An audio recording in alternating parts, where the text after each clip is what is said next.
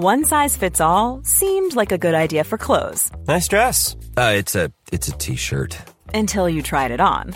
Same goes for your healthcare. That's why United Healthcare offers a variety of flexible, budget friendly coverage for medical, vision, dental, and more. So, whether you're between jobs, coming off a parent's plan, or even missed open enrollment, you can find the plan that fits you best. Find out more about United Healthcare coverage at uh1.com. That's uh1.com. Hey, it's Sharon, and here's where it gets interesting. Raise your hand if you want salon perfect nails for just $2 a manicure. Yeah, me too. With the Olive and June Manny system, you can say goodbye to expensive services that take hours and hours and love your nails more than ever. I would know I've been doing it for years. Get 20% off your first Manny system with code PERFECTManny20 at oliveandjune.com slash PERFECTManny20. That's PERFECTManny20 at oliveandjune.com slash PERFECTManny20. Hallå! Välkomna till Arkivsamtal. Jag heter Simon Gärdenfors. Och detta händer snart. Den 29 december så kör jag stand-up på O'Learys i Handen. Haninge kommun alltså. Um, lite andra tips. Uh, jag medverkar i andra poddar också. Till exempel Specialisterna Podcast. Som jag spelar in och ger ut tillsammans med Anton Magnusson och Albin Olsson. Varje vecka. Sen nu kanske julhandel tänker ni. Eh, varför inte eh, ge lite böcker som jag har gjort. Jag har gjort, gett ut typ sju serieböcker. Som eh, nu finns alla i tryck. Ni kan köpa dem på bokus.com till exempel. Så nu kommer veckans avsnitt av Arkivsamtal som klipps av den mycket skickliga Mattias Lundvall. Mycket nöje!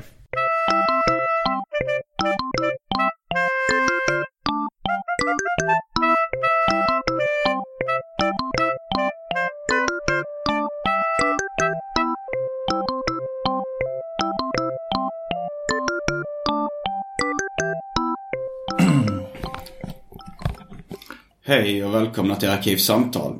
Jag heter Simon Gärdenfors och mitt emot mig sitter Anton Magnusson. Hej. Vi befinner oss just nu i Prag, Tjeckien. Nerudova. Heter det det på något språk?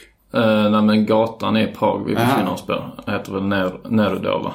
Ja, det är ingenting jag har lagt på minnet. Nej. Klockan är just nu kvart i sex på morgonen. Vi har sovit väldigt länge. Vi ser bort hela sista eh, kvällen kan man säga. Det kan man säga. Ja. Och en stor nyhet för mig och kanske några av Arkivsamtals lyssnare. Detta kom som en chock för mig när jag fick När du höra vaknade. det. Ja.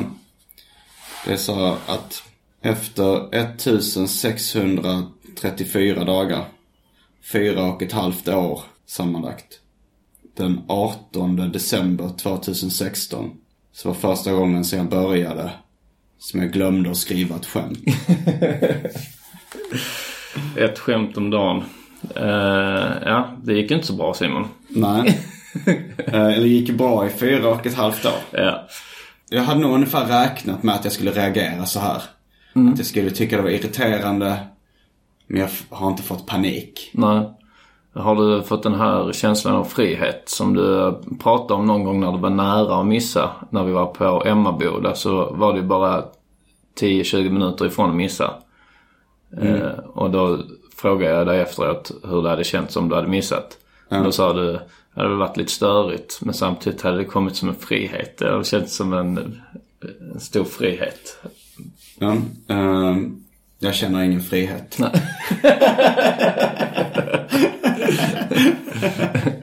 Hur, ska du, hur gör du ikväll då? Börjar du om? Nej, jag, jag, bara, jag bara kör vidare. Ja. Alltså så här, nu i morse när jag vaknade, då hade inte du vaknat ännu. Jag vaknade klockan tre, lite över tre på natten. Ja. Och då var ju klockan hade slagit tolv. Vissa kanske skulle tänka så här, ah, men det är fortfarande natt liksom. Det har inte blivit en ny dag. Men jag är mer eh, dogmatisk. Alltså. Och då, så jag tänkte, ah, okej, då är det kört. Då har jag missat den här dagen. Ja. Eh, men då tänkte jag att, ah, men jag skriver, jag skriver två skämt nu. Och sorterar in det. Och det, det är inte det att det kompenserar. Det, det är inte det att det förlåter någonting. Eh, inte förlåt, min OCD slash samvete förlåter inte det. Nej. Men samtidigt så anledningen att jag fattade beslutet var ju att jag skulle skriva så mycket stand-up som möjligt. Så att det påverkar ju egentligen inte min stand-up-karriär det här. Nej, då är Utan det egentligen... påverkar bara min OCD. Ja, ja, precis. Du har egentligen skrivit lika många skämt som du hade gjort om du hade hunnit skriva det här innan klockan 12. Ja, Ja. Mm, men det är alltså irriterande. ja lite grann. Men eh, inte så farligt faktiskt. Det är ju någon slags skit-OCD. Det är ju ingen riktig OCD jag har. det är ju nå... Det är bara... det vill säga en bra OCD. Ja. Eftersom det gör inte så mycket. Nej, du det- sa, när jag frågade då, för att du låg då i din säng och jag låg i min säng när jag vaknade till då en timme efter dig nu i natt.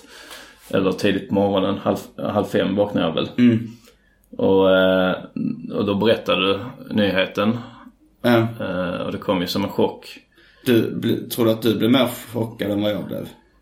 Ehm, ja, det tror jag nog. Nästan. Alltså jag, i med, jag tänker ju på dig lite som en robot i de sammanhangen. Ja. Eh, så att då blir man ju förvånad när, när den missar. Det är om man, som man sätter ner två brödskivor i en brödrost och den bara eh, rostar den ena. Så tänker man, det är ju konstigt. Den, den ska inte kunna det. Nej. Ja. Uh, Kanske inte världens bästa liknelse men det är så tidigt på morgonen. Jag får ha lite dispens. Men eh, det var bara, vi kan prata mer om det sen eventuellt. Men eh, det var kanske bara en grej som behövde berätta. Man kan inte hålla lyssnarna på halster. Nej. Eh, Inte för att de satt och undrade, har han skrivit ett skämt idag också? Men jag trodde ju först att det var någon Breivik-grej som, alltså. Jaha, jag hade nyhet för att jag Ja. hade sett på Du nyheterna. låg liksom eh, med datorn uppe och så sa du Vet du vad som har hänt? Det brukar man säga när det är någon sån eh, stor nyhet. Uh, jag, jag insåg faktiskt det när jag, när jag väl ställde den frågan. Insåg jag nu kommer han tro att det är någon World Trade Center. Ja. nyhet, liksom. Så var det bara att du hade glömt att skriva ett skämt. Det, ja. Jag säga det kanske bidrog till din chock. Att Ja. det blev så antiklimax. Ja, men det är också så att man, man inser ju hur, eh, eh, hur självisk man är. Att man, eh, när du sa det där, vet du vad som har hänt? Alltså min första tanke är, ja men okej, nu är det någon sån katastrof eller någon sån, eh, nå, någon stor nyhet. Ja. När du sen berättade att det var då att du glömt ett skämt. Ja. Så var det ju att jag, ja, fast nu hade jag ju ställt in mig på någon form av katastrof eller sådär. eh. Du skulle tycka det var spännande. Ja, att man, man inser då att man, man är, man, ja, det är lite äckligt liksom. Att man vill ha katastrofer. Ja, Jo, jag, jag tänkte att antingen skulle du komma till att det var att man är självisk, att jag är självisk som tycker att det är en så stor nyhet. Eller var att du tyckte att du själv var självisk för att du tyckte fan där blev jag lurad på en stor katastrof. ja, jag tänkte så är det något ny sån Charlie Hebdo-grej eller något sånt.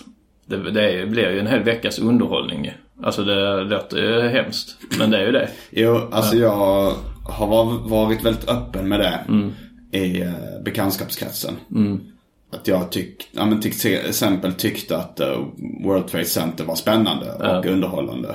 Och att jag tittade på det ungefär som man följde någon form av ja, men spännande underhållning på tv. Ja. En, en dra- dramaserie eller någonting. Ja. Och då har jag, det är många kompisar som tycker jag var cynisk och dum i huvudet på grund av det. Alltså så här, det är kanske inga jag umgås med idag. Det har mer blivit att man har sökt sig till en krets som är ganska lik Ja. en själv. Som inte dömer en för, ja men som ungefär tänker likadant och kanske är ärlig med det. Ja. Och inte skäms jättemycket över det. Mm, så kan resonera kring det. Alltså det kan man ju göra. Även, men eh, det jag tror det är en... re- Alltså de, de flesta av dem då som tyckte att du var cynisk. Ja. Det, antingen är det att de inte erkänner det eller att de inte har erkänt det för sig själv. Ja. Men jag tror de flesta... Tror Liksom, du inte vissa tycker det är fruktansvärt? Alltså, jag tänker att hade det legat närmare mig hade jag ju kanske eh, tyckt det var fruktansvärt. Alltså ifall det hade varit så att, eh, men, så här, en, så här stor ekonomisk kris i Sverige nu. Nu måste alla börja, nu måste man liksom börja jobba. Vi kan inte fortsätta vara underhållare komiker. Alltså om det hade påverkat mig så personligen hade jag ju blivit eh, förkrossad. Ja, ju såklart. Mm. Eh, och, och, men sen så är det väl så här, om det hade hänt mi, min mamma eller mina syskon eller liksom någon nära kompis. Någonting sånt liksom. Ja. Då hade det också påverkat mig. Även om det kanske eh, inte är liksom direkt riktat mot mig. Och, och så, sen så kan man ju liksom dra det ut från epicentrum av egoism och se hur långt det sträcker sig. Jag tror vissa har, det är det kanske som kallas att vara lite mer empatiskt. Att ens, din empati sträcker sig så långt ut så att du bryr dig om folk som dör i USA. Eller Afghanistan eller eh, Somalia eller vad fan som helst. Men jag, min empati sträcker sig, alltså på, på ett teoretiskt plan så, så sträcker det sig så, så långt. Jag tycker ju att vi i Sverige ska ge bistånd till fattiga länder så att inte de ska svälta ihjäl. Så teoretiskt gör det. Men om jag får höra så. Ja, din fem- intellektuella empati så att säga. Ja. Att, du- som du har resonerat dig fram till vad Så du tycker är, är rätt. Ja, där sträcker det sig till. Så jag tycker, att, jag tycker att man ska försöka rädda liv. Även på folk jag inte känner. Ja. Men min känslomässiga empati sträcker sig inte så jättelångt. Nej. Alltså om jag hör så här, eh, igår dog fem kineser i en uh, bilolycka. Mm. Känner inte så mycket för dem. Nej. Men är just bara för att det var kineser va? Ja, nej, men, och samma sak om det är tusen som dör i någon olycka.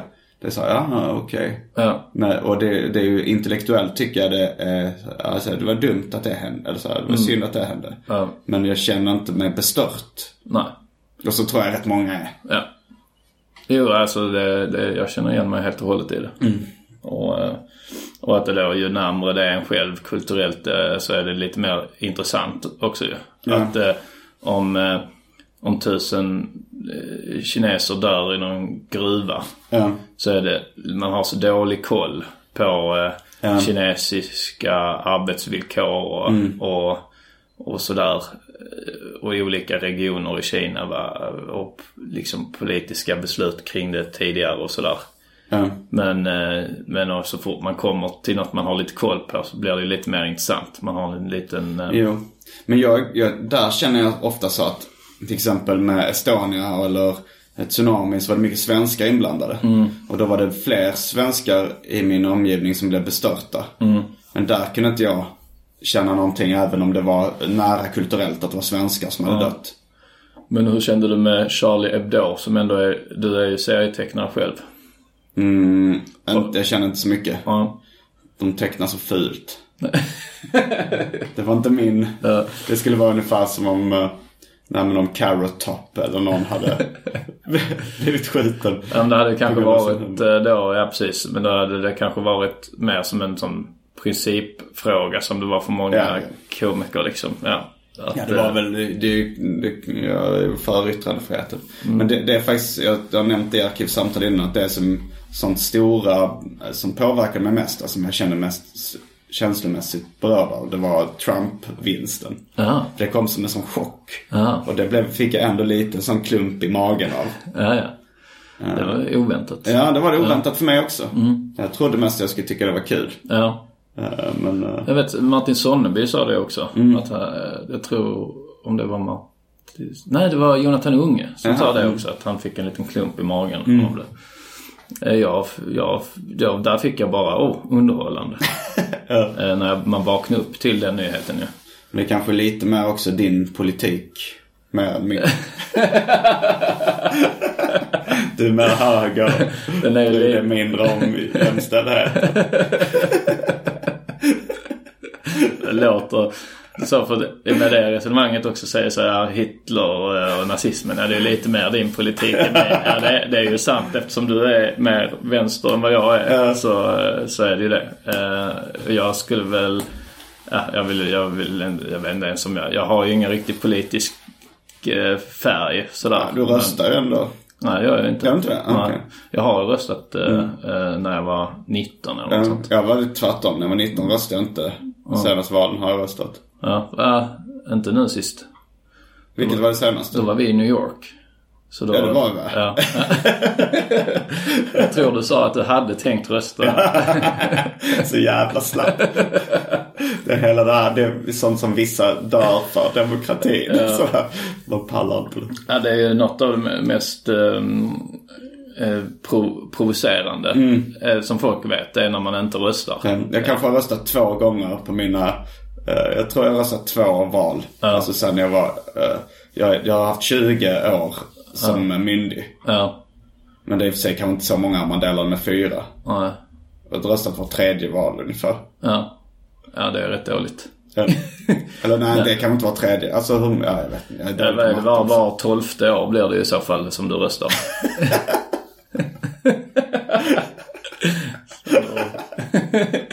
Nej men jag, jag gjorde ju en gång, eh, alltså det som var ännu mer. Jag gjorde eh, rösta med slumpen. Det här, ja, jag slår tärning typ. Ja, för då, det var så här att jag sa att jag inte skulle rösta. Så sa folk, ja men det kan du inte göra. Du måste ju rösta. Det spelar ingen roll vad du röstar på, men du måste rösta. Så gjorde jag så att rösta med slumpen. Jag köpte en sån eh, åttasidig tärning som då fick representera varje riksdagsparti. En rollspelstärning. Ja, precis. Eller vad de kallar det. T8. och så Var köpte du det? Eh, Det köpte jag på någon sån eh, butik, i, spelbutik i Malmö. Eh, Så, men då blev folk ännu mer provocerade. För då var, fanns det ju en risk att den hamnar på Sverigedemokraterna. Så sa jag, men eh, chansen är lika stor att den hamnar på Vänsterpartiet som på Sverigedemokraterna. Men då fick jag inte göra det heller. Fick och fick. Ja, ja, ja. Alltså folk tyckte inte det var okej. Nej men det är intressant att höra. Jag tror att inte rösta, det är många som blir provocerade av det. Men då är det ändå ett medvetet beslut. Jag kanske har hittat den optimala formen av provokation då. Att rösta var tolfte. och det är så här, ren, mest av ren slapphet liksom. Ja men de, folk förutsätter ju ofta att, de, att man ska rösta som dem då. Alltså, Ja. att folk, alltså, ja men, eh, så, ja, men nu, nu, jag minns förra valet var det så, ja, men det här valet måste du rösta. Du måste Mm. rösta, det är viktigt att du röstar. Men hur vet de att jag inte röstar på Sverigedemokraterna då? För det var ju det som de tyckte var så viktigt. Ja. Att, eh, att, eh, att man var tvungen att rösta så att, man, eh, så att Ja. inte de fick mer inflytande. Men folk bara förutsätter att man inte ska... Ja, det är Men- för att, kanske att de känner dig och vet Ja. att, vad du står. Jo, det kan ju stämma. Men man kan ju hålla det hemligt. Nu har det blivit dags för det omåttligt populära inslaget Välj drycken. Oh!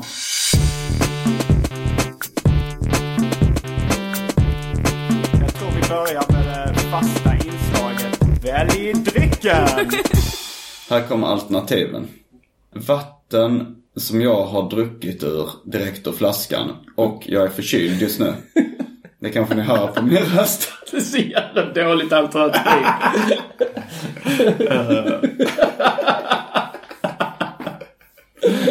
Jag har lite feber, snuvig och är förkyld.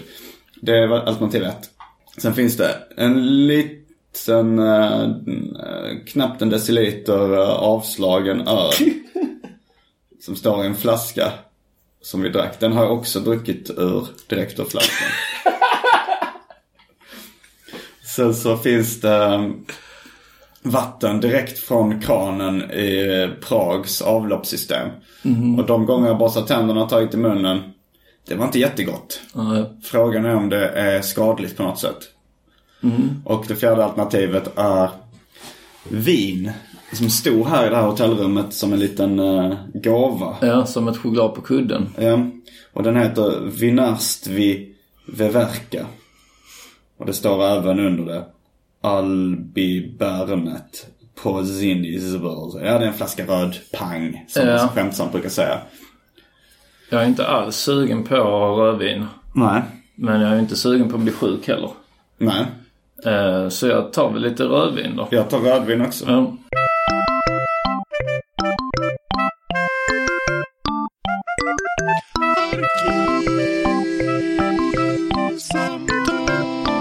Jag tänkte att du kanske eventuellt skulle bli den första i väldrycken som... För att jag hittade först ingen eh, öppnare. ja. Ingen vinöppnare. Jag tar... Ja, Du får hälla själv så. ja, tack. Och då tänkte jag...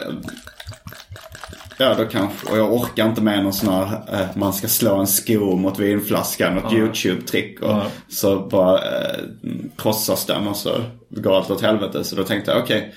du, kanske blir, du kanske blir den första. Jag kan ju dricka mitt vatten liksom. Men du kanske blir den första då som inte skulle dricka... Välja någon dryck alls i väldryckens historia. Men Det hade varit passande med tanke på Ja, det hade varit kvällens genialt. tema. Mm. Ja, men att... eh, Jo, jag Ja, förstår ja, att jag ja, inte hade skrivit ett Ja. skämt. Ja. Ja. men då testar vi det här rödvinet då. Skål. Skål. Det är plastglas. surt. Lite surt men inte fruktansvärt. Sötsurt skulle jag säga att det var. Ja. En flaska sötsurt rödvin. Det var ju egentligen godare så på morgonen. Att det inte var, alltså att det var lite mer juicekänsla. Mm. Det passar ju bättre på morgonen. Det är lite som druvjuice. Ja. Nej, men det påminner om eh, svarta vinbär mycket. Ehm, ja, och då för vi eh, har ju hittat ett favoritfrukostställe får man ändå säga.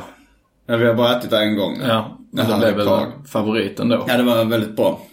Det var ju, när vi kom hit, så redan första dagen så kände vi att vi fick varsitt pärlband av besvikelse. Jo, det var verkligen det, alltså första, första dygnet. Ja, Alltså man kan ju säga lite att för mig har det fått, alltså så här, jag, mm, har haft roligt på resan. Vi har haft jävligt roliga stunder liksom. Eh, men det blev lite att hela resan kantades av det här pärlbandet. Det fortsatte ändå. Ja. Jag blev förkyld sen. Och sen som en liten kronjuvel i mitten av, eller i slutet av uh, pärlbandet så kom det att jag missade skriva ett skämt om dagen. Ja, om vi ska då... Då var det att vi hade bokat vad vi då trodde var ett, en hel lägenhet med, fler, med Vi fyra hade rum. tidigare bott i, i Budapest och då hade vi hittat, eller Tess då, Armans flickvän hade hittat en, en stor lägenhet billigt som fan. Som hade så här massa rum, massa sängar. Och så tänkte vi att det var en, ungefär, lite dyrare i Prag kanske, men ungefär samma grej. Så jag gick in på hotels.com, fyllde i, så vi, det, är du, jag och, sen så... Booking.com var det till och med. Mm. och Johannes Finnlaugsson, Jofi, skulle komma dagen efter hit. Och vi gick in där och jag fyllde i, om du skriver för fyra pers och så skrev fyra rum så att man säkert skulle få mycket och kanske något gemensamt utrymme. Ja. Det var, Oj, fan vad billigt det var. Hittade vi grejer. Det var en bild på en stor sal med massa bord och stolar och lite... Ja. Och det, men vi orkade inte läsa så noga. Vi bara bokade. Vi hade ju klickat i det här fyra rum och fyra Mm. personer. Så vi tänkte, Ja, man gjorde sökningen på boendet. ja. Men då när vi kom fram så visade det sig ju att eh, då, då har de räknat någon barnfamilj. Eh, Alltså en, mamma- du, en liten dubbelsäng där man skulle kunna få plats två vuxna. Och sen en liten dubbelsäng där man skulle kunna få plats två barn. Ja, det är väldigt beroende på hur mycket man älskar varandra. Ja, och bara ett rum. Eller ja, eh, en ett och en halva kanske man ska kunna Ja, säga. är en, liten, eh, en utslagen vägg. Eh, Så det var ju en, en besvikelse. Vi började jiddra med personalen och det var ju att på bookings.com så hade man fyllt i fyra men sen när man väl läste specifikationerna så stod det bara ett rum. Och, Ja. Nej, det var ju den första besvikelsen då. Eh, Och vi försökte lösa det. Och vi har löst det genom att så här, boka lite vandrarhem precis på samma gata som vi ändå bor på. ja, och sen sov vi till samma rum. En natt ja. Ja. Men det, det, det var ju också, det blev också lite så här, en sak som tar upp lite tid under dagarna. Ja, vi gick upp och var lite upprörda men sen så ganska snabbt så gillar man läget och Ja. tänkte så okej men det är det här vi får leva med nu. Ja. Och man fick ju jämföra det med så här, ja men när man kanske var tonåring och sov på golvet hos någon kompis. Tyckte det var ju skönt liksom. Ja. Och nu börjar man, nu gick jag mer in i, i tanken så här, det här är någon slags bohemiskt konstnärsliv Ja. i Prag. det lät ju rätt romantiskt liksom. Eh, sen gick vi ut på gatan och skulle ta ut pengar. Jag tog ut i tjeckiska pengar motsvarande 800 svenska. Anton gjorde samma manöver. Man hörde hur bankomaten började mata ut någonting. Det kom bara luft där det skulle komma pengar. Den bara svalde mina, mina 2000 tjeckiska pengar. Eller Pragpengar som du kallar det. ja, eh, det var ju då besvikelse nummer två. Detta hände ju då bara egentligen eh, 20 minuter efter eh, boendekatastrofen. Ja. Så att säga. Ryan Reynolds here from Mint Mobile. With the price of just about everything going up during inflation, we thought we'd bring our prices down. So to help us, we brought in a reverse auctioneer, which is apparently a thing. Mint Mobile unlimited premium wireless. Ready to get 30, 30, bit to get 30, bit to get 20, 20, 20, bit to get 20, 20, bit to get 15, 15, 15, 15 just 15 bucks a month. So, Give it a try at mintmobile.com slash switch. $45 upfront for three months plus taxes and fees. Promo rate for new customers for limited time. Unlimited more than 40 gigabytes per month. Slows. Full terms at mintmobile.com. There's never been a faster or easier way to start your weight loss journey than with PlushCare. PlushCare accepts most insurance plans and gives you online access to board-certified physicians who can prescribe FDA-approved weight loss medications like Wigovi and Zepbound for those who qualify. Take charge of your health and speak with a board-certified physician about a weight loss plan that's right for you. Get started today at plushcare.com slash weight loss. That's plushcare.com slash weight loss. plushcare.com slash weight loss. Since 2013, Bombas has donated over 100 million socks, underwear, and t-shirts to those facing homelessness. If we counted those on air, this ad would last over 1,157 days. But if we counted the time it takes to make a donation possible, it would take just a few clicks. Because every time you make a purchase, Bombas donates an item to someone who needs it. Go to bombas.com slash ACAST and use code ACAST for 20% off your first purchase. That's bombas.com slash ACAST, code ACAST. Sen gick vi, skulle vi gå och käka. Och du hade ju teorin att man kunde, i Prag kunde man bara gå in på i stort sett vilket ställe som helst och det var fantastisk mat. Ja. Eh, vi gick in på något ställe. Det första som slår en är att det är väldigt skarpt upplyst. Ja, det är, de, det är som att de är stolta över sin belysning. Ja, de, Det är inte lysrör, men de har glödlampor som lyser upp så in i kallt, starkt ljus. Ja, ja. Så det blir, det är mysighetsfaktorn. Den eh, dras ju ner med nio punkter av tio nästan. Ja. Eller så, det är väldigt... På många av ställena ser man ju så att det- hade de bara dimmat ljuset lite Ja. så hade det kunnat vara hur mysigt som helst. Men eh, de bara bränner på med dem. eh, Vad hade vi för teori? Ja, att de, jag tänker så att de, de tänker så här, att tidigare så det klassiska pra, krogarna i Prag och så här kanske har varit så här, lite mörkt trä, dov belysning. Och sen det så här, no we don't want to have this old dark. We want fresh light restaurant. New.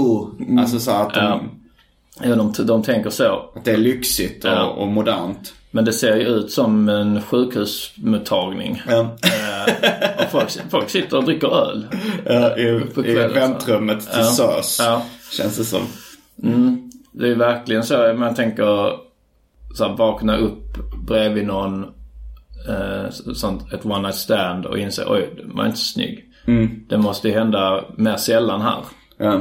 Det händer, för, för jag som bott i Stockholm, stor del av tiden som singel så har det ofta hänt på tunnelbanan. För där är det ganska skarp belysning. Ja, ja. I Malmö finns ingen tunnelbana så då händer det kanske inte förrän Då händer det på på morgonen. morgonen. Ja. Ja. Eh, Så Och då då har man ändå fått en liten förvarning. Men då är man ofta full Ja. på tunnelbanan på vägen hem då till någon. Ja. Och Burger King, samma sak. Alltså så om man, om man käkar efteråt. Burger King har ju väldigt omysig Ja. belysning. Max är nästan ännu värre. Eh, Då ser man också alla porer i ansiktet.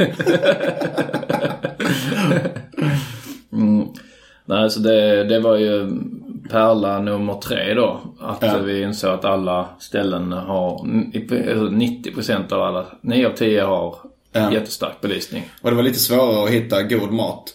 Sen kom Jofi. Vi började supa. Då var det roligt. Då satt Ja. man och skämtade. Alltså, vi hade, alltså redan den här känslan på flyget dit. Då tycker jag man hamnar i sånt fnissigt mode. Att man skämtar lite extra mycket. Man är, så att man är förväntansfull. Ja, precis. Det är värt ganska mycket liksom den här känslan man har när man är på väg. Ja. Och sen kom Jofi och vi började supa. Och vi hittade ju bra matställen till slut. Det lever aldrig riktigt upp till liksom så gott som jag tycker att centraleuropeisk mat är i Stockholm. Ja, Jag, jag vill ju hålla med dig. Att eh, vi har inte ätit det där riktigt. Eh, i, eh, ja, nej precis. För du är ju stort fan av centraleuropeisk mat också. Ja, och av Prag. Ja. Nu är det ju eh, över fem år sedan jag var här sist. Ja. Eh, så eh, Så kanske det inte var vinter när du var här då heller. en gång var det vinter. Okej. Ja. Men sen har allt det slagits ihop, alla de gånger jag var här, Mm. slagits ihop till en enda stor resa liksom. Där man, eh, då har, eh, har man ju många sådana minnen som var kanon. Ja. Eh, Så det är svårt att... Och om man då förväntar sig att varje ställe man går in på nu ska vara så bra som minnena man har kvar. Eh, Lite orättvist. Men det var faktiskt det så jag tänkte. Att ja, men det var bara att gå in på vilken krog som helst så Ja. fick man kanonmat. Vad sa du? Var det vinet som var äckligt eller? Lite surt ja. Mm. Och sen är det ju, detta är ju vin till frukost. Det är ju inte, alltså framförallt rödvin. Champagnefrukost och så har man ju hört om. Så då kan man Ja. tänka sig att vitt Du har inte vin. testat det? Champagnefrukost? Jo, men eh, rödvin känns inte som att det är, är frukostdricka. Nej. Men man kan Ja, tänka, hellre öl till frukost. Det har vi gjort några gånger på resan. ja. ja, men det är ju lite matigt och sådär. Mm. Gott. Det är lite juicigt. Ja. Ölen har ju inte varit en besvikelse. Nej, det har varit gott. Ja, ja den har vi varit jävligt nöjd med. Det har varit några, alltså jag skämtade i början av resan att vi skulle ha en sån riktig alkisresa.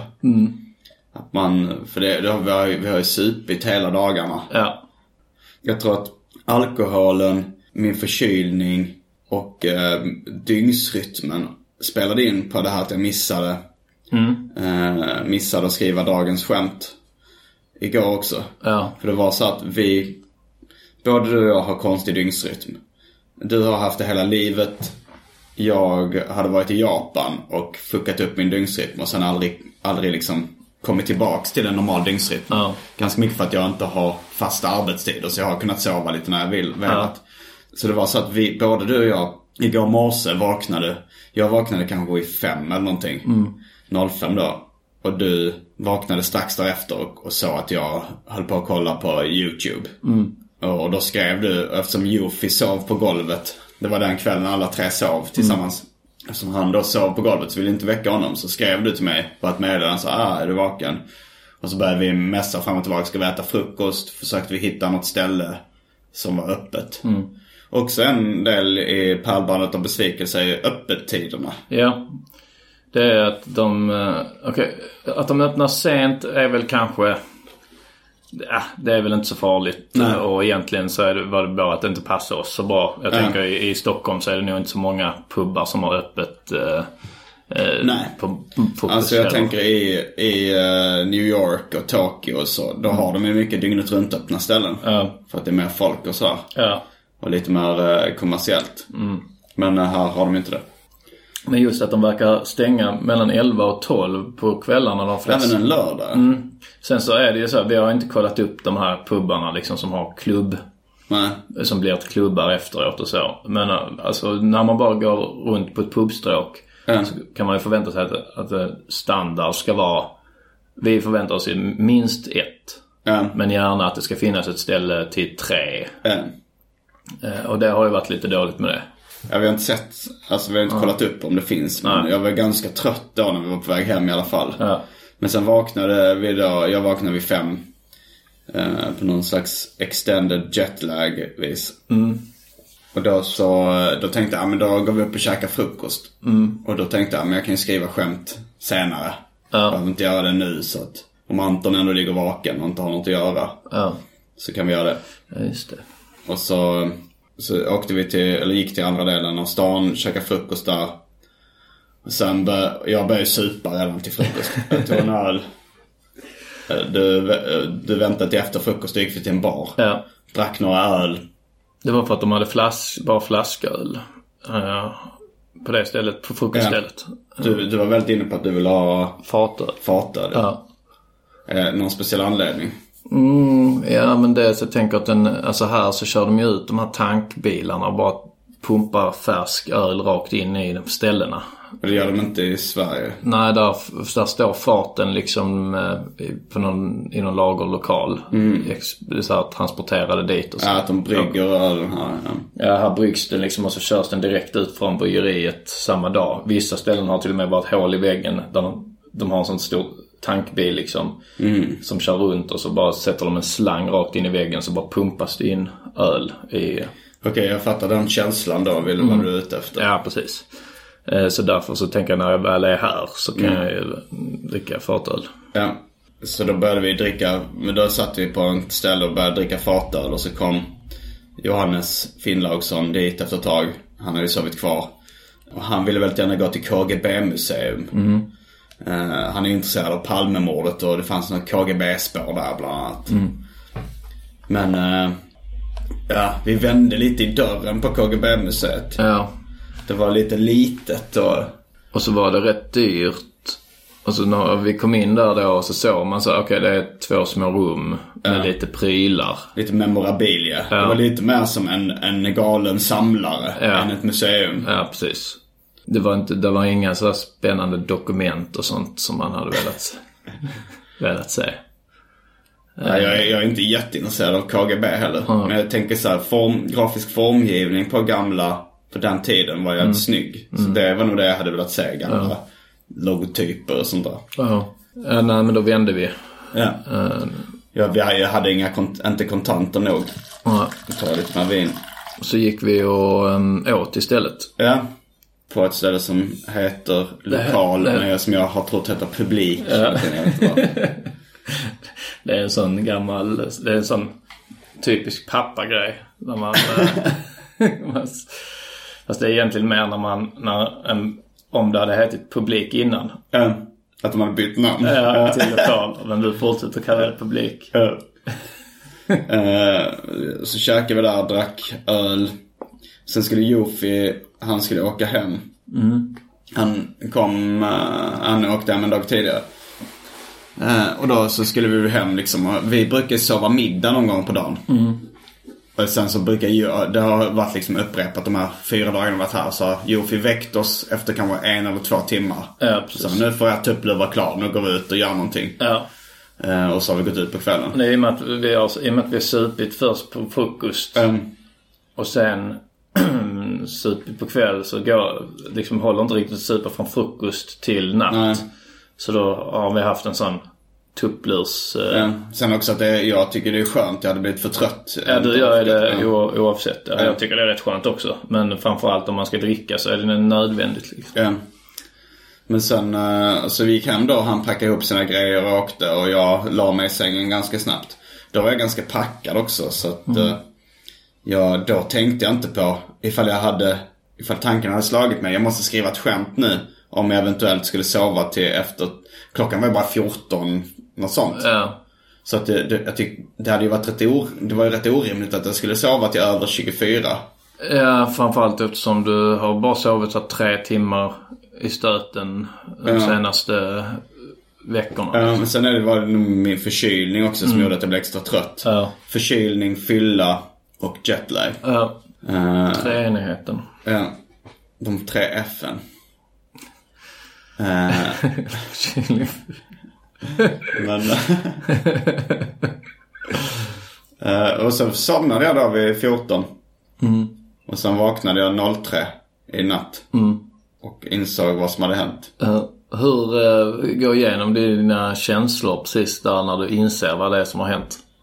Eh, Nu tänkte jag säga att det var ganska mycket förnekelse, ilska, acceptans, köpslående. Det var, nej men det var, det var mycket sånt. Att det var så här, Jag bara tänkte, oj. Jo det var nog liksom bara med förnekelse. Fan, har jag skrivit ett skämt igår? Eh, ja det kanske jag gjorde. Nej, nej fan det kan jag ha glömt det. Så började jag kolla igenom. Kan det vara, alltså började gå igenom i huvudet så här. För ibland så kanske man har skrivit ett skämt i någon skämtövning vi har gjort. Eller, eller att jag skrivit det. Jag tänkte så här, men jag, för jag kollar igenom min mobil. Jag har gjort någon anteckning tror jag. Som ändå skulle kunna räknas som igår. Att, Men det räknas, jag tycker känner så nej. Jag kan inte skohorna in att det här räknas som att har gjort, skrivit ett skämt. Ja. Den här anteckningen. Ja. Och så jag kände jag ju liksom, ja, jag kanske bara måste acceptera det. Ja, Och sen så började jag direkt hitta på ursäkter så här, bara förklara mig varför jag hade gjort det. Började för mig själv. Eller, fast det var ju ändå, det var, jag föreställde mig ändå med dig till exempel då. Ja. Att jag skulle berätta för dig. Och att jag skulle vara så här, va? Varför? Nej, nej, det var med. Jag fattar att du inte skulle bry dig nämnvärt. Men, eh, men att, att så här, hur jag ska förklara för folk. Och sen så också det här att rättfärdiga det inför mig själv. Att jag kom på sådana rätt, alltså så här mer sådär. Nej men det är inte så farligt. Det är fyra och ett halvt år, det är ändå bra. eh, om, man ska, om det skulle varit en tävling med andra så hade jag förmodligen varit den som vunnit och gjort det längst. Och jag tävlar bara mot mig själv. och så kände jag det då att det, jag, varför så gjorde jag det här? Varför kom, fattade jag det här beslutet från första början? Det var ju för att bli bättre på stand-up. För att hitta rutiner och för att eh, det skulle gå så bra som möjligt. Och just det här att jag missat en dag, det kommer inte påverka det nämnvärt. Det viktiga är då att jag fortsätter ungefär som vanligt. Och, eh, och så kände jag så här, om- okej, det man kan, jag började hitta på väldigt mycket jämförelser. Eh, min första tanke var då så här, ja, men det är kanske som otrohet i ett förhållande. Men det tyckte jag kändes lite för hårt. Då skulle jag känna att det var lite för stor grej. Så då tänkte jag så här att det, det, det är så här som att jag har lovat mig själv att aldrig testa heroin. För att jag är rädd att fastna i ett missbruk och att det skulle göra mitt liv betydligt sämre. Men så känner jag så att om det nu skulle hända att jag en gång testar heroin men sen inte fastnar i den vanan. Utan bara har gjort det då en gång. Och sen fortsätter leva som vanligt. Då hade ju inte mitt liv blivit ett helvete. Nej, det är en erfarenhet rikare. Ja. Så då, då, då eh, kom jag överens med mig själv att okej, den här jämförelsen kör vi på. Så det här är som att jag har testat heroin en gång trots att jag lovat mig själv att inte göra det. För att då är det så här, okej, det, det får inte bli eh, liksom så här en, en varningens finger liksom. Det får inte bli en vana bara. okej, ja. för en gång, det är egentligen ingen större fara. Mm, ja. ja, men för jag tänker då så här. Hur, eh, hur ska du liksom tvinga dig själv då till, när du inte har den här streaken? Ja. Så, blir det, så kommer det vara vissa dagar lättare än andra att hitta tid och möjlighet att skriva Mm. ett skämt. Kommer du ha lättare då om ett halvår och du finner dig i en situation där det varit skönt att slippa skriva ett skämt. Kommer du vara lite såhär, "Ah, jag har redan missat det en gång. Ja. Så, ja. Det, det stämmer ju det här one slip leads to another. Ja. För det är ju så här, när jag, var, när jag och Angie åkte till Hawaii en vecka. eh, I början av det här året. Då kände jag ändå så ah fan nu, nu har jag liksom, jag har tjänat pengar. Så jag, mycket pengar liksom. Så jag kan bjuda min flickvän på en resa till Hawaii. Så, och det är väl så här, ah men nu börjar det goda livet. Jag åker dit med, med henne och bara så här, nu måste bara njuta. Men, men jag tänkte, jag kan inte släppa det här med ett skämt om dagen. Ja, jag nej. måste ändå, där hade det varit så här, kanske skönare att bara gå in med så här 100% njutning. Liksom. Ja, ja, precis. Men då kunde jag inte släppa det. Nej. Eh, Nu och- hade du kanske Nu hade jag förmodligen då, ifall, vi hade bok, ifall jag bokat den här resan i, i februari nu. Ja, Då hade jag förmodligen tagit semester den veckan. ja, ja precis. Och då är det lite att, att jag, ja men det känns som att jag har pajat lite den här rutinen. Mm. Så det kommer, men alltså på, på så ett femårsperspektiv så kommer det vara ganska marginell Ja. skillnad vad jag skriver, att jag skriver mindre skämt. Ja, liksom. precis. Och Jag har skrivit, i många dagar har jag skrivit mer än ett skämt. Så jag ligger ju på plussen då. Jag har skrivit fler än, fler än 1636 Ja. skämt. Ja, precis. För att det, ja, det finns säkert en marginal på 20-30 skämt egentligen. Har du eh, kollat eh, statistik på eh, då, av de här skämten? Mm. Sen har du då skämt som inte är dagens skämt. Ja. Har du kollat statistik på vilka som funkar bäst för dig? Alltså, Dagens skämt eller? Jag gör ingen skillnad på dagens skämt. Alltså det är väl så att jag på morgonen försöker hitta på ett skämt. Och sen så ifall jag då hittar på ett till och skriver det. Eller om jag känner, ibland känner jag så att okej det här skämtet var inte så starkt. Jag skriver ett till. Ja. Och sen kanske jag ibland har skrivit tre skämt på en dag. Så jag gör ingen skillnad på dagens skämt och andra skämt. Ja.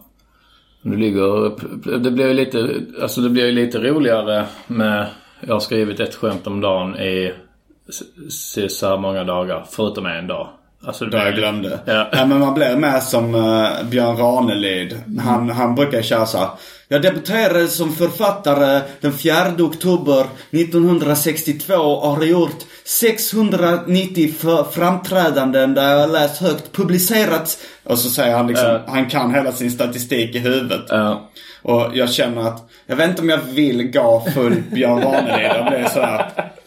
Jag har skrivit ett skämt om dagen i 1638 dagar i sträck. Förutom den 18 december 2016 då jag glömde skriva ett skämt. Och, alltså blir, man blir ju ett sånt jävla freak om jag ska hålla på sådär. Han gör ju, jag vet inte hur mycket glimten i ögat han har. Gissa på noll.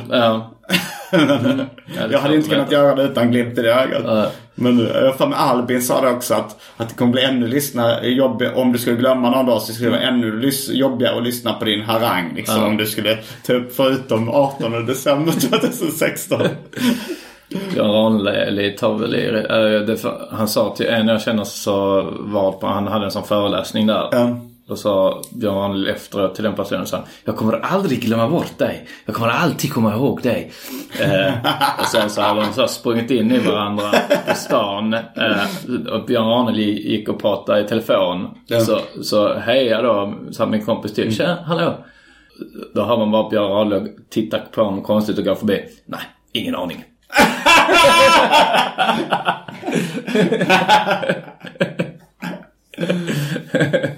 ja, det är ingen aning om vem det var. Nej. Nej men jag tänker som att du som ser mig som en, som en robot i viss mån. Mm.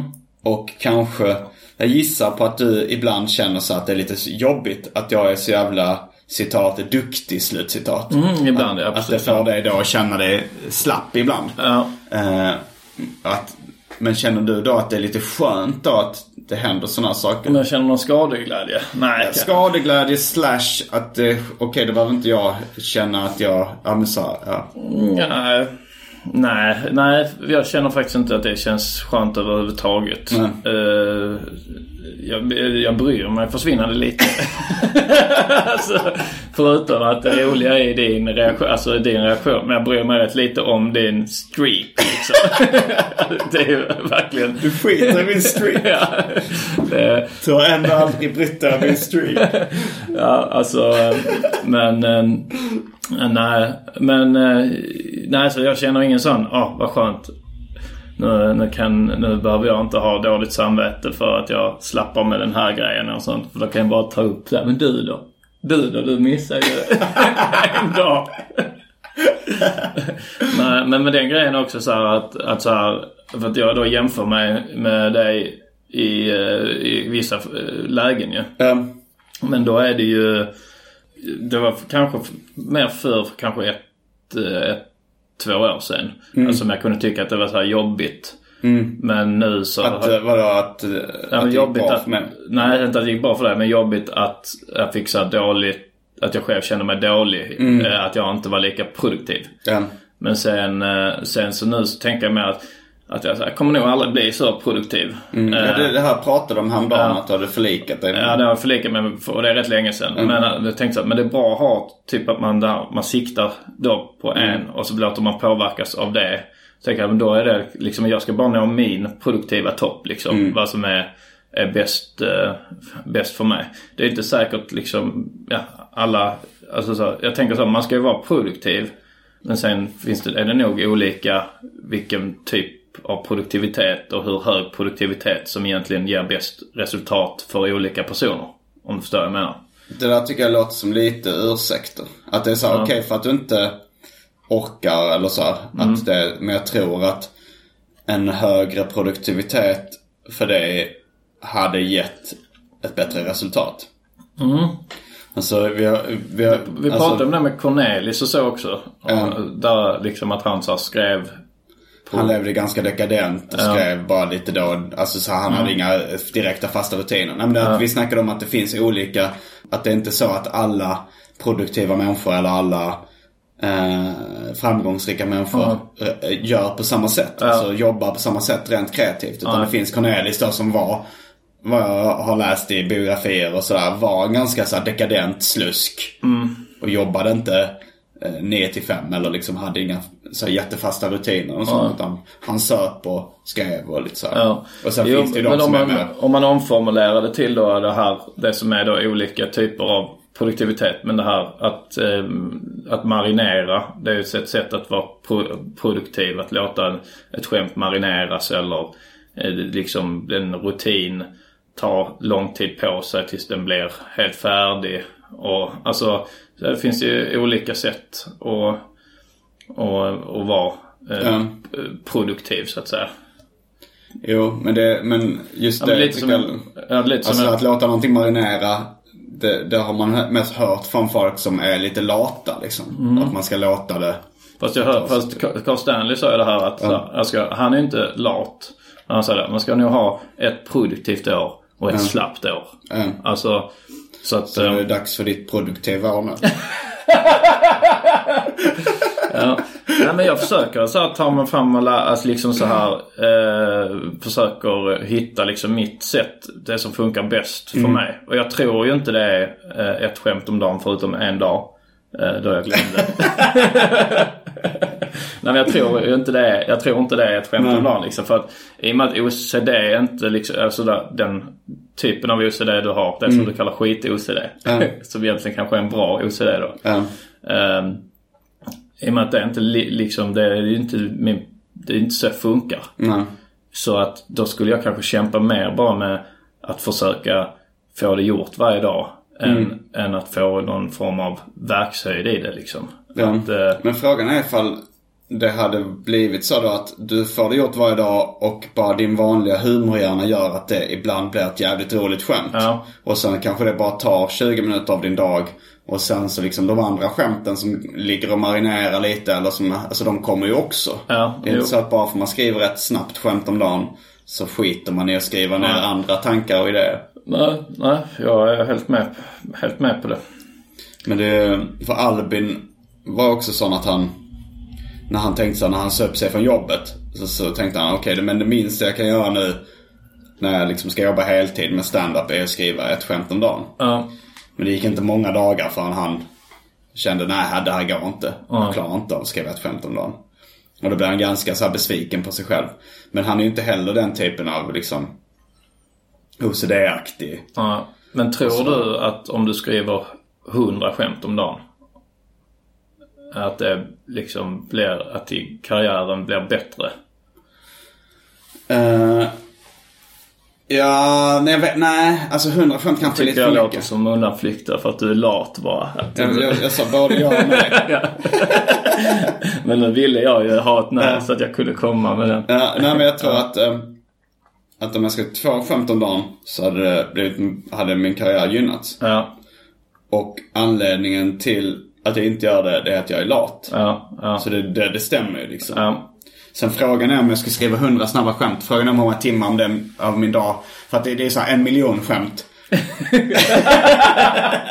där, där, där det är så här i stort sett omöjligt. Ja. Eh, och tusen skämt. Då kanske man inte hinner tänka. Då måste man bara så här, bara så då, då blir det bara skit förmodligen. Ja. Men och hundra, det är frågan. Men jag tror absolut, alltså en grej jag försökt göra som jag tror hade gynnat min karriär. Det är att så att, alltså förutom då ett skämt om dagen som jag tror är en bra rutin. Så tror jag jag hade vunnit på att de sa, okej, mellan 12 och 13 varje dag så ska jag sätta mobilen på flygplansläge, lägga allt annat åt sidan och bara gå runt och tänka på skämt och försöka hitta på humor. Det testade jag någon gång och det är ganska effektivt men ganska krävande. Ja. Så till slut så orkade jag inte längre. Det, det var kanske bara två dagar jag orkar med det liksom. Ja. Men det tror jag att om jag hade haft eh, Om jag hade haft orken och, och disciplinen Så hade det gynnat min karriär också. Och det tror jag gäller de flesta. Det var det jag läste om typ eh, Jerry Seinfeld. Han eh, gjorde så. Han satte klockan liksom och skrev en timme om dagen. Ja.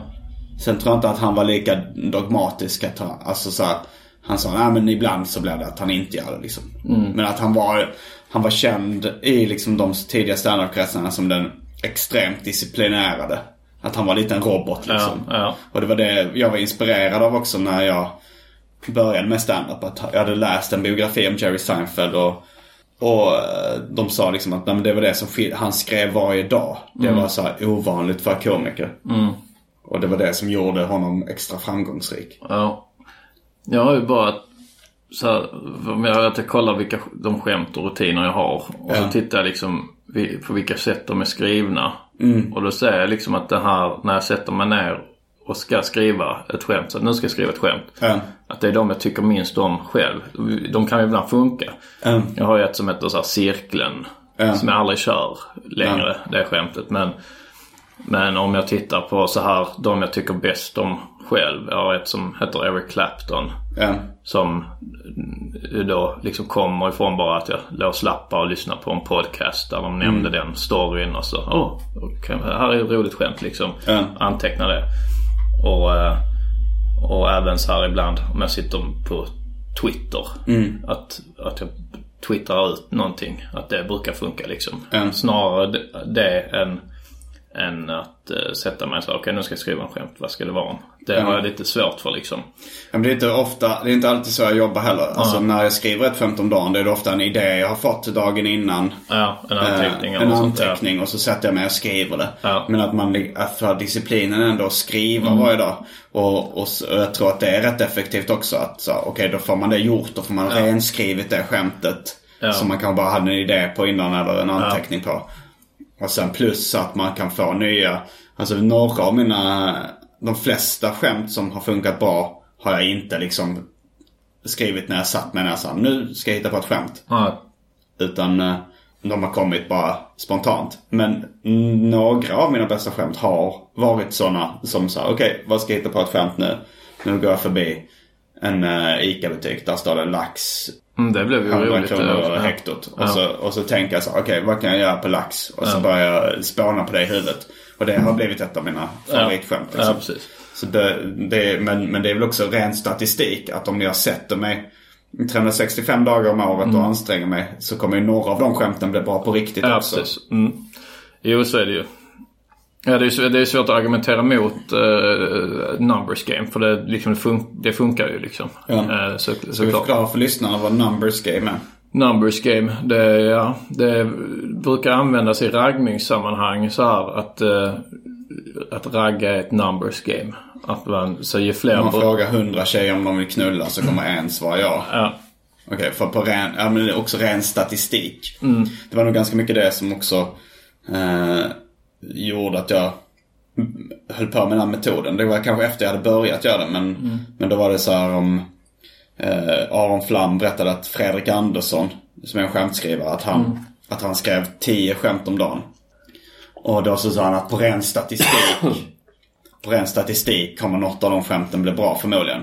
Eller om man har liksom, om man då har, då blir det 70 skämt i veckan. Att, Ja. att då är det så här, ja, att det är väldigt stor sannolikhet att något av de skämten är bara en fullträff. Ja. För det är ju rätt mycket så lite slumpmässigt vad som funkar inom humor. Ja. Tycker jag, alltså vad publiken reagerar på. Att jag har jättesvårt ofta att, att fatta vad de... Ibland kan jag tycka någonting så här, det här är så jävla roligt. Och det behöver inte ha att göra med att det är grovt. Nej. Ja, att, att publiken inte tycker det är roligt. Utan det är bara att nej, de tycker inte det är kul. Och sen så är det någonting som jag tycker så här, det här var inte så jättekul. Men Ja, nej, det har man varit med om Mm. några gånger ju. Man blir förvånad över ja, att det funkar. ja. Att det kan vara så små saker Ja, ibland som ett av dina toppskämt som är åldersgränser. Ja. Det var väl inte inget du kände att det här är det bästa skämtet jag skrivit? Liksom. Nej, det, det var väl till och med att jag skulle liksom... Du skulle skrota det? Ja, precis. Eh, jag hade ju någon lite längre... Jag hade rätt lång premiss till det så innan också som jag tog bort. Ja. Så att jag hade åkt tåg och då hade jag... det var ett konstigt sätt att skriva på. Ja. Nej, så det är så jävla svårt att, att veta liksom varför det är ena. Alltså, som till exempel jag har ett skämt som heter blommor och bin. Som handlar om uttrycket blommor och bin. Men sen så har jag ett som jag tycker är så, det är väl helt så här, OK. Liksom, men det funkar ju jävligt bra. Sen har jag ett som är eh, som är om eh, vindruvor. Som aldrig har funkat men att vindruvor, att det är en av få frukter som är så döpta efter, efter Det man gör det av man dem. gör av dem. och att de sen när de ska döpa vindruvan att de först måste så trampa på den och sånt innan de vet vad, det, vad de ska döpa den till. Det tyckte jag själv var mycket roligare men det var aldrig någon som som tyckte Nej. det var speciellt kul. Men det är, så, det är väl lite random som du skulle sagt. om vilka, vilka bilder folk får upp i huvudet. Ja. Jag luktar så oerhört mycket svett. Jag känner inte det. Vi sitter vid ett ganska litet bord. Ja. Och jag, i och för sig förkylningen kan göra att jag inte känner någonting. Ja. Därför jag känner faktiskt inget svett. Ja, det är nu när jag um, dels eh, har supit hårt under en period. Mm. Och um, ja, det är alltså då, det är inte bara Prag utan det är egentligen under ett eh, år. Ja. Nästan.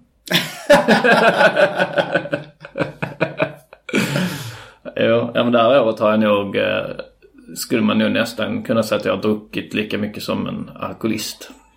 Mm. Eller nej. nej. Alkoholister tror jag ändå, alltså det är, då är det, då ska man nog sänka minst två viner om dagen ska jag Ja, gissa ja, på. ja, det gör jag inte. Absolut jag vet inte riktigt var gränsen går. Det var det är min bild. Ja. Alltså om du dricker en flaska vin. En typisk alkoholist då. Ja. Eh, Sen, ja.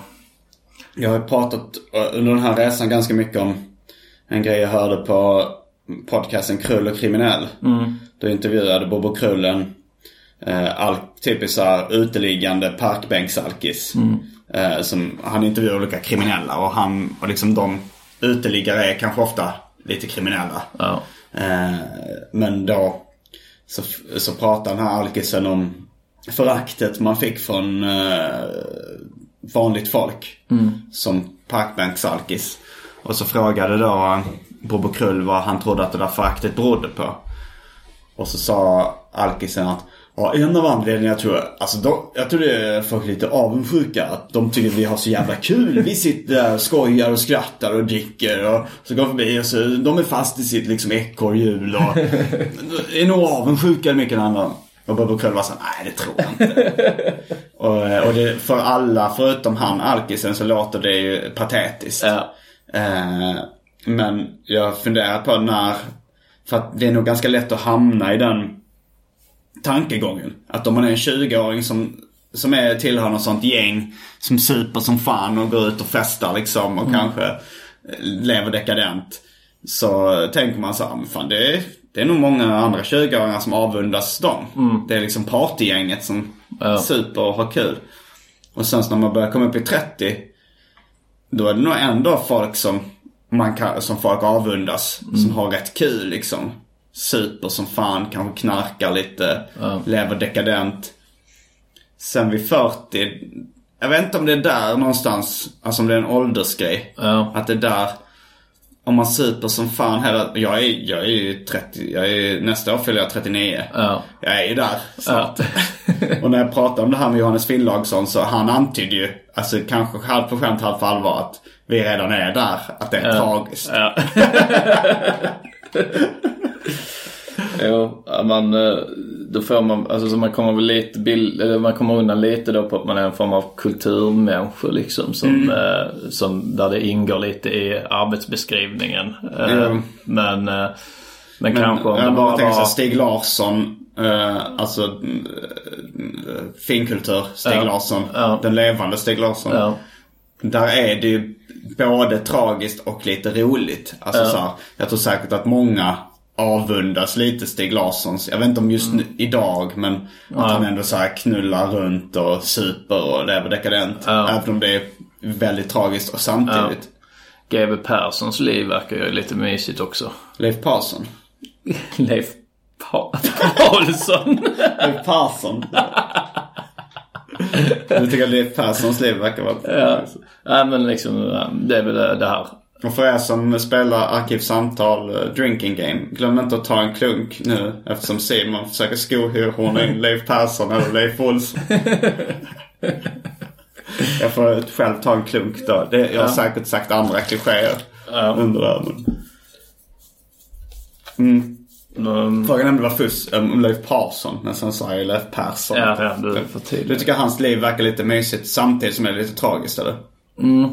Jo men han verkar väl mysigt så han sitter och bara äter fet mat och dricker öl och whisky och sånt.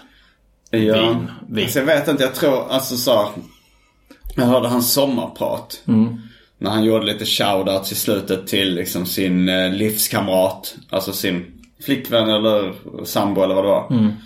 Och då kände han sig tvungen att lägga in antydningar på att han var impotent. alltså han kände då lite så här ärlighet vara längst.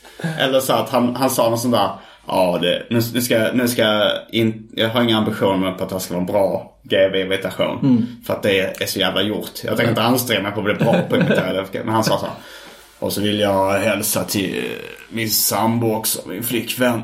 Ja, jag älskar dig. Det är inte kanske alltid jag lyckas uttrycka det på ett fysiskt sätt om ni förstår vad jag menar. Men, men det är ändå trevligt att ha en livskamrat. Eller något sånt där. Alltså det var verkligen inte ett autentiskt citat det här. Men det var väl så här, en ganska tydlig eh, tydlig anspelning på att han inte fick upp kuken speciellt Okej, ofta. okej, ja. Och då kände jag att han, han kände så här, okej ska jag prata om det här förhållandet, då måste jag ändå berätta det här. Ja. Jag kan inte hålla på och bara så här, låtsas som att allting är bra. Sanningstourettes.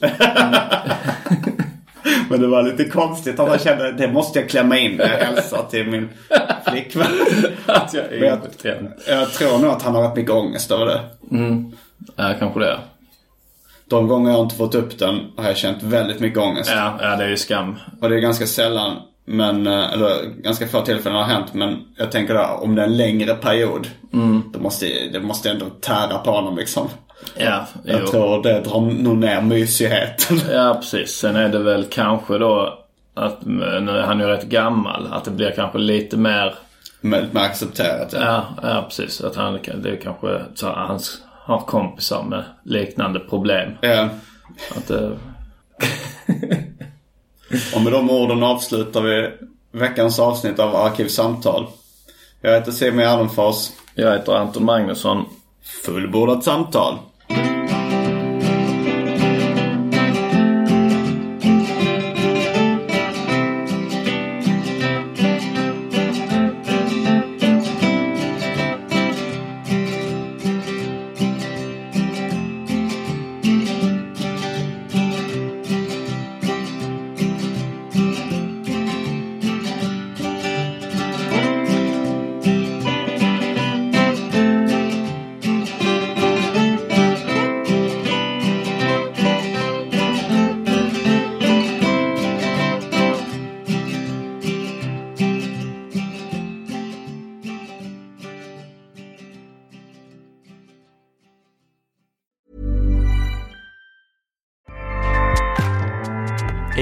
Powers the world's best podcasts. Here's a show that we recommend. The Real Housewives is a guilty pleasure for most, but if you're looking to not feel guilty about that pleasure, tune in to Everything Iconic with me, Danny Pellegrino, where I break down all the messy moments and behind the scenes antics of Bravo's popular franchise. And on Everything Iconic, I also interview celebrity guests like Kelly Ripa, Kiki Palmer, Drew Barrymore, Cameron Diaz, and more about their guilty pleasures, their past work, and so much more. So if you're pop culture obsessed and find yourself watching way too much reality TV like me, tune in to Everything Iconic with Danny Pellegrino wherever you listen to podcasts. ACAST helps creators launch, grow, and monetize their podcasts everywhere. ACAST.com.